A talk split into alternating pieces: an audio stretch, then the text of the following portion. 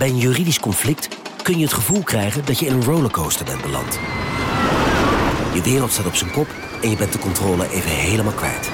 Dan is het fijn als je bent verzekerd bij ARAG. Daar werken topjuristen en advocaten die je begrijpen. Die een stap extra voor je zetten. En je het gevoel van controle teruggeven. Met kennis en informatie, met heldere uitleg en met gericht advies.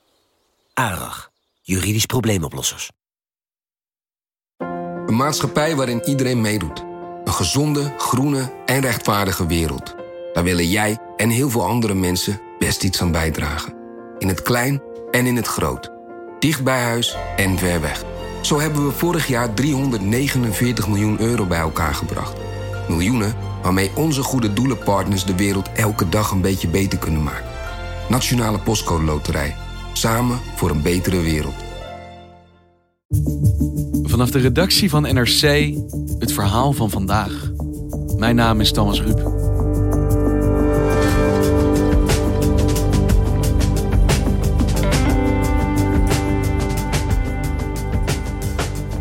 Meer dan 2000 jaar lang volgde in Ethiopië de ene repressieve heerser op de ander. Tot vorig jaar. We uh, released thousands of prisoners. Today we don't have a single journalist in prison and we are proud of that. Premier Abiy Ahmed is een hervormer met de allure van een rockster. The Nobel Peace Prize for 2019 to Ethiopian Prime Minister Abiy Ahmed Ali. Gisteren kreeg hij de Nobelprijs voor de Vrede. Maar toch ziet correspondent Koert Lindeyer... is nou juist van vrede in Ethiopië nauwelijks sprake.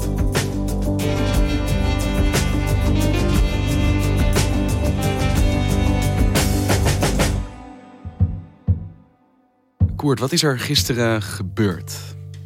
Nou, tot iedereen's uh, verbazing heeft Abiy Ahmed, de premier van Ethiopië, de Nobelprijs voor de Vrede uh, gekregen.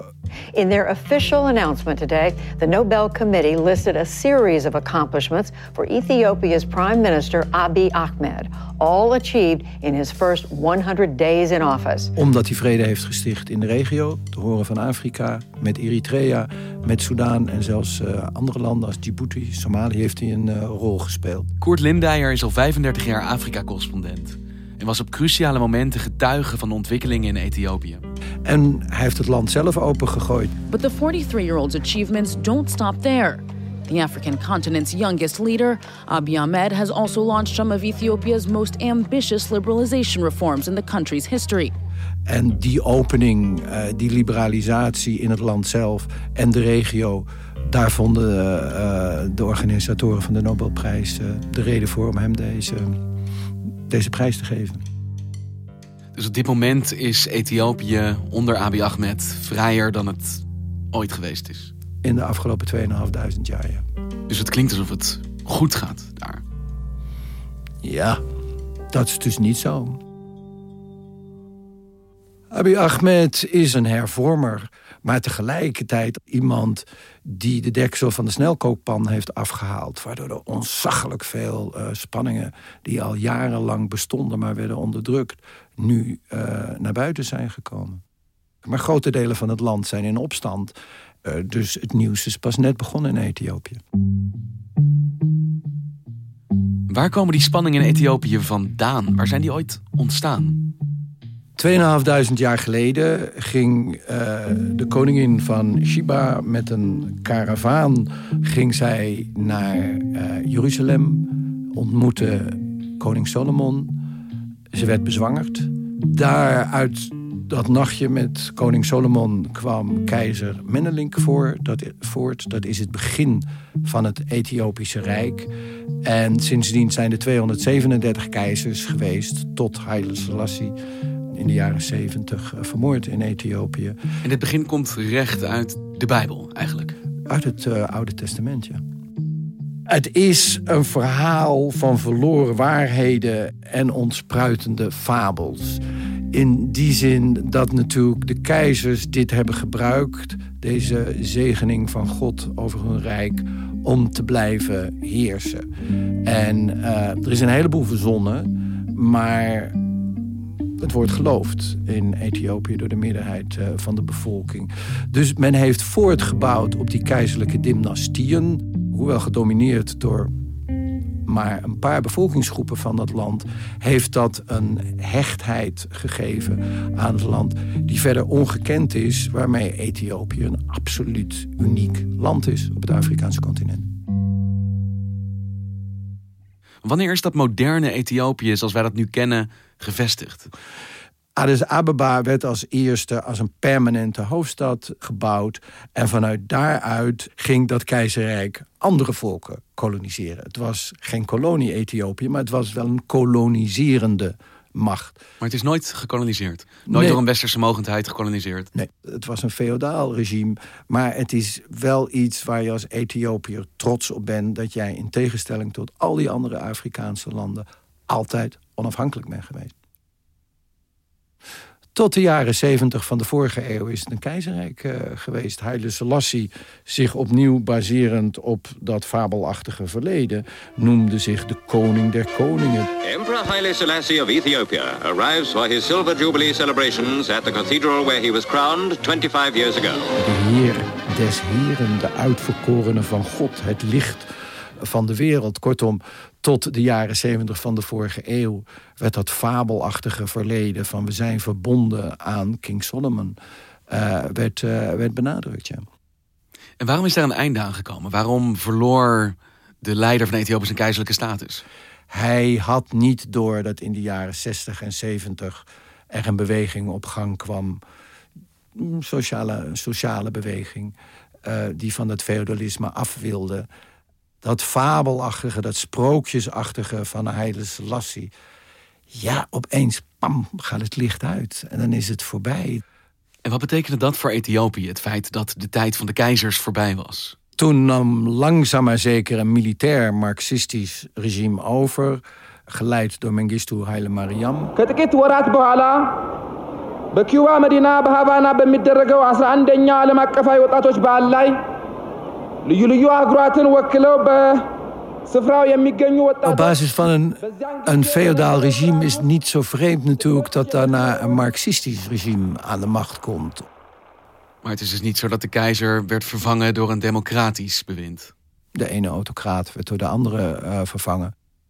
Het betekende onderdrukking, het betekende angst, uh, het betekende oorlogen. Het betekende dat het land in chaos werd ondergedompeld. En hoe verliep het vanaf daar? Het einde van de Koude Oorlog was ook het einde van het, uh, van het Marxistische regime van Haile Mariam.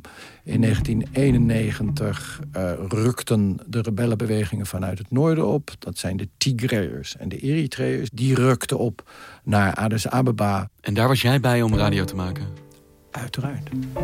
En aan de telefoon hebben we Koert Lindeyer. Wat is het laatste nieuws? Het algemene beeld is toch dat het regeringsleger uiteen aanvallen is...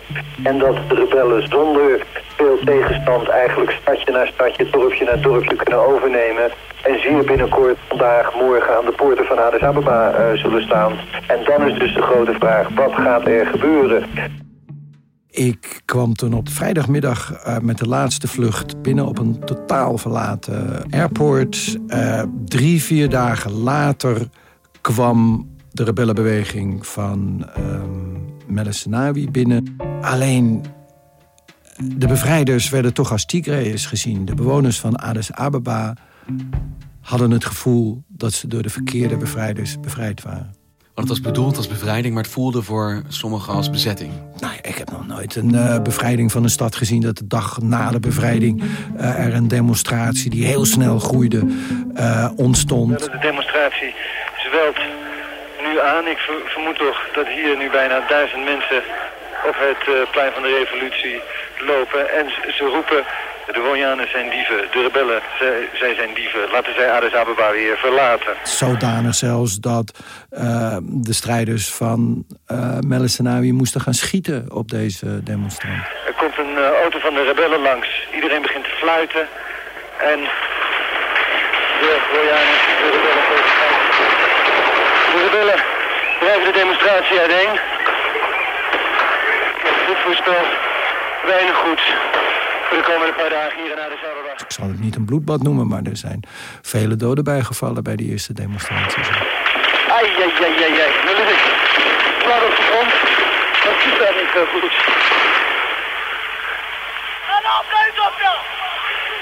Salam, vrede. Goed een jongen hier. Maar daar is het te laat voor.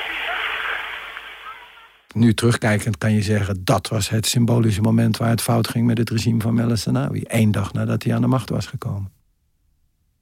Hoewel Meles Zenawi uiterst intelligent was... sprak over democratie die uh, zou gaan heersen in Ethiopië... is zijn regime uiteindelijk toch tot een politiestaat heeft hij zich ontwikkeld. Maar in 1991 bestond heel even dezelfde hoop op openheid en democratie in Ethiopië... zoals die uh, bestond onder Abiy Ahmed. Het belangrijkste wat Meles Zenawi heeft gedaan... hij heeft het land opgedeeld in etnische regio's, etnische deelstaten. Dus op basis van je etnische afkomst... heeft iedere groep zijn eigen parlement... kan zijn eigen belastingen innen, kan zijn eigen taal uh, spreken. Kortom, we moeten etnische bevolkingsgroepen hun eigen zelfbestuur geven. Maar er waren te veel elementen in de Ethiopische geschiedenis... de Ethiopische cultuur die hem tegenwerkte... waardoor hij nooit tot nationale leider heeft kunnen uitgroeien. Want het idee is, hij wilde meer zelfbeschikking... hij wilde die bevolkingsgroepen wat teruggeven. Maar dat leidde er ook toe dat, dat die etnische lijnen duidelijker werden. Scherper. En Meles Zenawi heeft dat waarschijnlijk niet voorzien... dat door groepen hun eigen autonomie te geven... dat dat niet leidt tot een culturele diversiteit. Eigen muziek, eigen cultuur, eigen uh, fabels van het verleden. Nee, het leidt tot ik, ik, ik, ik. Mijn bevolkingsgroep, mijn bevolkingsgroep. Als ik nu, je weet, ik ben net terug uit Ethiopië. Als je nu bijvoorbeeld met Oromo's praat... en dat klinkt heel vreemd voor mij in de oren hoor, in andere Afrikaanse landen... dan zeggen ze allemaal, ik ben eerst een Oromo en dan pas een Ethiopië. Nou, dat is een soort fanatisme, dat is angstig, dat is gevaarlijk. Ja, het is een, een land wat 2.500 jaar een keizerrijk was. Duidelijk één geheel. Uh, is dus nu heel erg voor het eerst eigenlijk gefocust op de eigen etnische groep. Ja, het was een geheel, maar op basis van onderdrukking. Hoe is Abiy Ahmed dan de leider van dat nieuwe verdeelde land geworden? Nou, het was eigenlijk toevallig. Het regime was failliet. Het land begon van ellende uit elkaar te vallen. En toen is er eigenlijk binnen die regeringspartij een koep gepleegd. En toen kwam eigenlijk heel onverwachts Abiy Ahmed uh, aan, uh, aan de macht binnen die partij. En als je partijleider bent, dan ben je leider van Ethiopië. En dat is vorig jaar geweest? Dat is vorig jaar april geweest, ja. Want wat wilde hij met Ethiopië bij zijn aantreden? Wat was zijn belofte voor het land? Afschaffing van de dictatuur, afschaffing van de politiestaat... afschaffing van de dominantie door één etnische groep, de Tigreërs. Veel meer dan dat was het niet, maar alle ballingen die zijn teruggekeerd. Alle politieke gevangenen die zijn vrijgelaten. Bloggers, noem maar op. Dat was natuurlijk gigantisch. Dat mensen die zijn afgeschilderd als monsters... dat die opeens mochten terugkomen. Dat was, uh, was een revolutie. In de straten van uh, Addis Ababa uh, zie ik talrijke stickers op auto's... en ook posters hangen. Nou, op die afbeeldingen neemt uh, Abiy Ahmed soms Jezusachtige proporties aan door het tegenlicht of door de palmbladen die hem dan op deze afbeeldingen omringen. De nieuwe Ethiopische premier is razend populair. Daarover hoeft geen enkele twijfel te bestaan. De hoop was gigantisch. Hij was Michael Jackson. Hij was razend populair de eerste, eerste weken en maanden. Is the new prime minister a good guy? Do you like him? Oh, I like him very much. Uh, I think, you know, he's a person who has to be recommended for uh, a Nobel Prize. En wat zijn de stappen die hij zette? Hoe veranderde hij het land? Hij heeft dat verbeten conflict met Eritrea. Ik zeg niet dat het is opgelost, maar opeens gingen de grenzen weer open. Opeens waren de vliegverbindingen. Opeens kon je weer bellen van Addis Ababa naar Asmara. Moet je je voorstellen, twintig jaar lang een broedervolk... dat je geen eens je oma of je opa kon bellen. Er was een gigantische psychologische breuk ook uh, met het verleden. Maar tegelijkertijd door steeds te benadrukken samenwerking, samenwerking... daardoor heeft hij ook het toen vastgelopen vredesoverleg in Soudaan uh, los, losgesleept, losgetrokken. En ook andere conflicten in de regio. Dus het komt voor uit die filosofie samenwerking en liefde. Hij beloofde ontzaglijk veel, heeft ook in zijn eerste maanden ontzaglijk veel bereikt door het opengooien van het land van de politiek. Uh, alleen die hoop die ging vrij uh, snel verloren, omdat uh, het volk dus toch kennelijk met andere grieven zat dan waar Abiy Ahmed mee bezig was. Het bleek ingewikkelder dan hij. Het bleek hoopte. allemaal vele malen ingewikkelder dan het geven van vrijheid democratie vestigde. Er speelden zoveel conflicten onder de oppervlakte. En al die conflicten die komen nu op een heel akelige manier naar buiten. Wanneer de druk van de ketel is, wanneer mensen niet gewend zijn om een eigen mening te hebben en die te ventileren. Als dat heilige vernisje van een regime af is, wanneer je niet meer naar een leider hoeft te kijken als een semi-god, ja, dan wordt, het, uh, dan wordt het moeilijk om met elkaar te converseren. Dan moet je een hele andere manier van communiceren met elkaar uh, bedenken.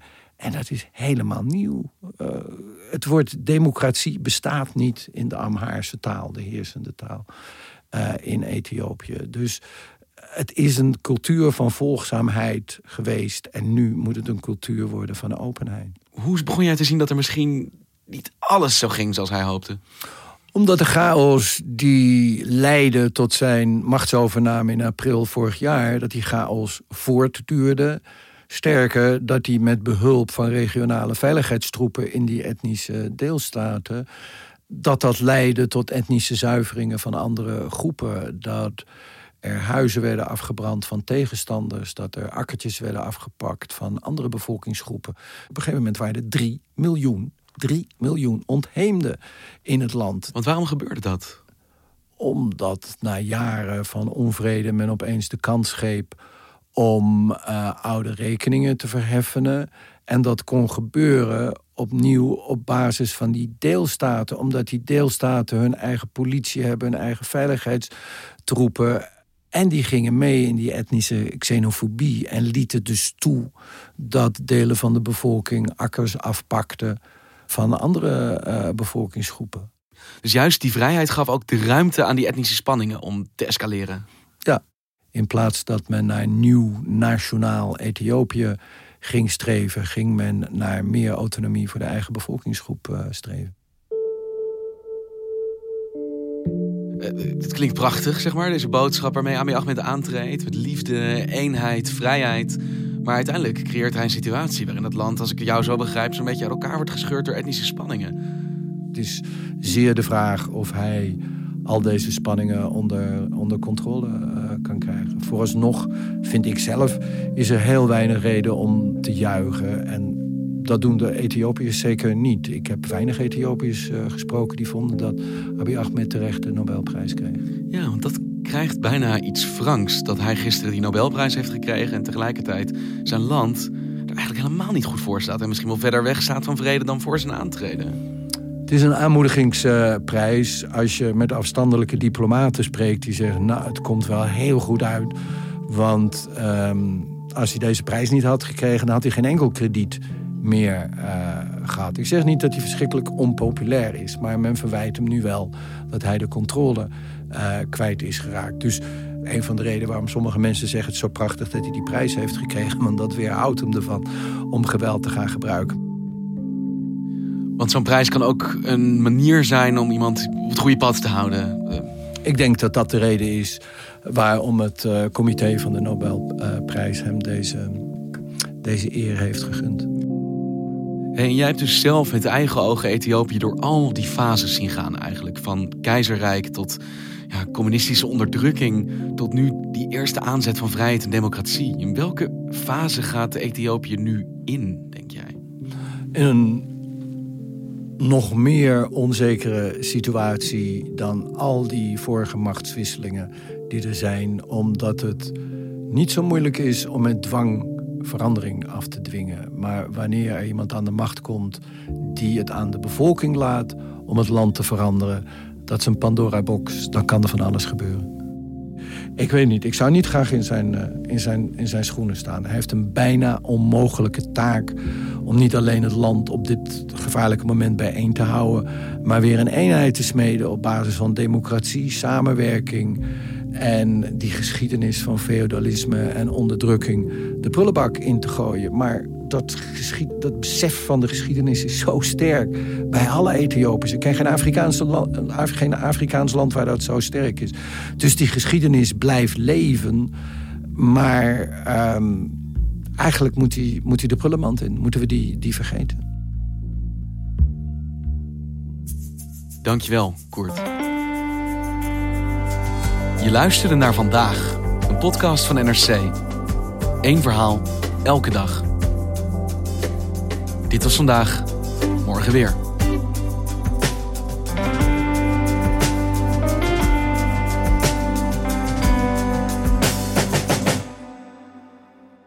Wie reist met NS, reist net even anders. Wij reizen groen, zonder moeite te doen. Oh, zo kan je dus ook een dagje weg. En wij werken in stilte. In stilte? Nou ja, met oortjes dan. Oh, zo gaan we iedere dag vooruit. Stap je ook in?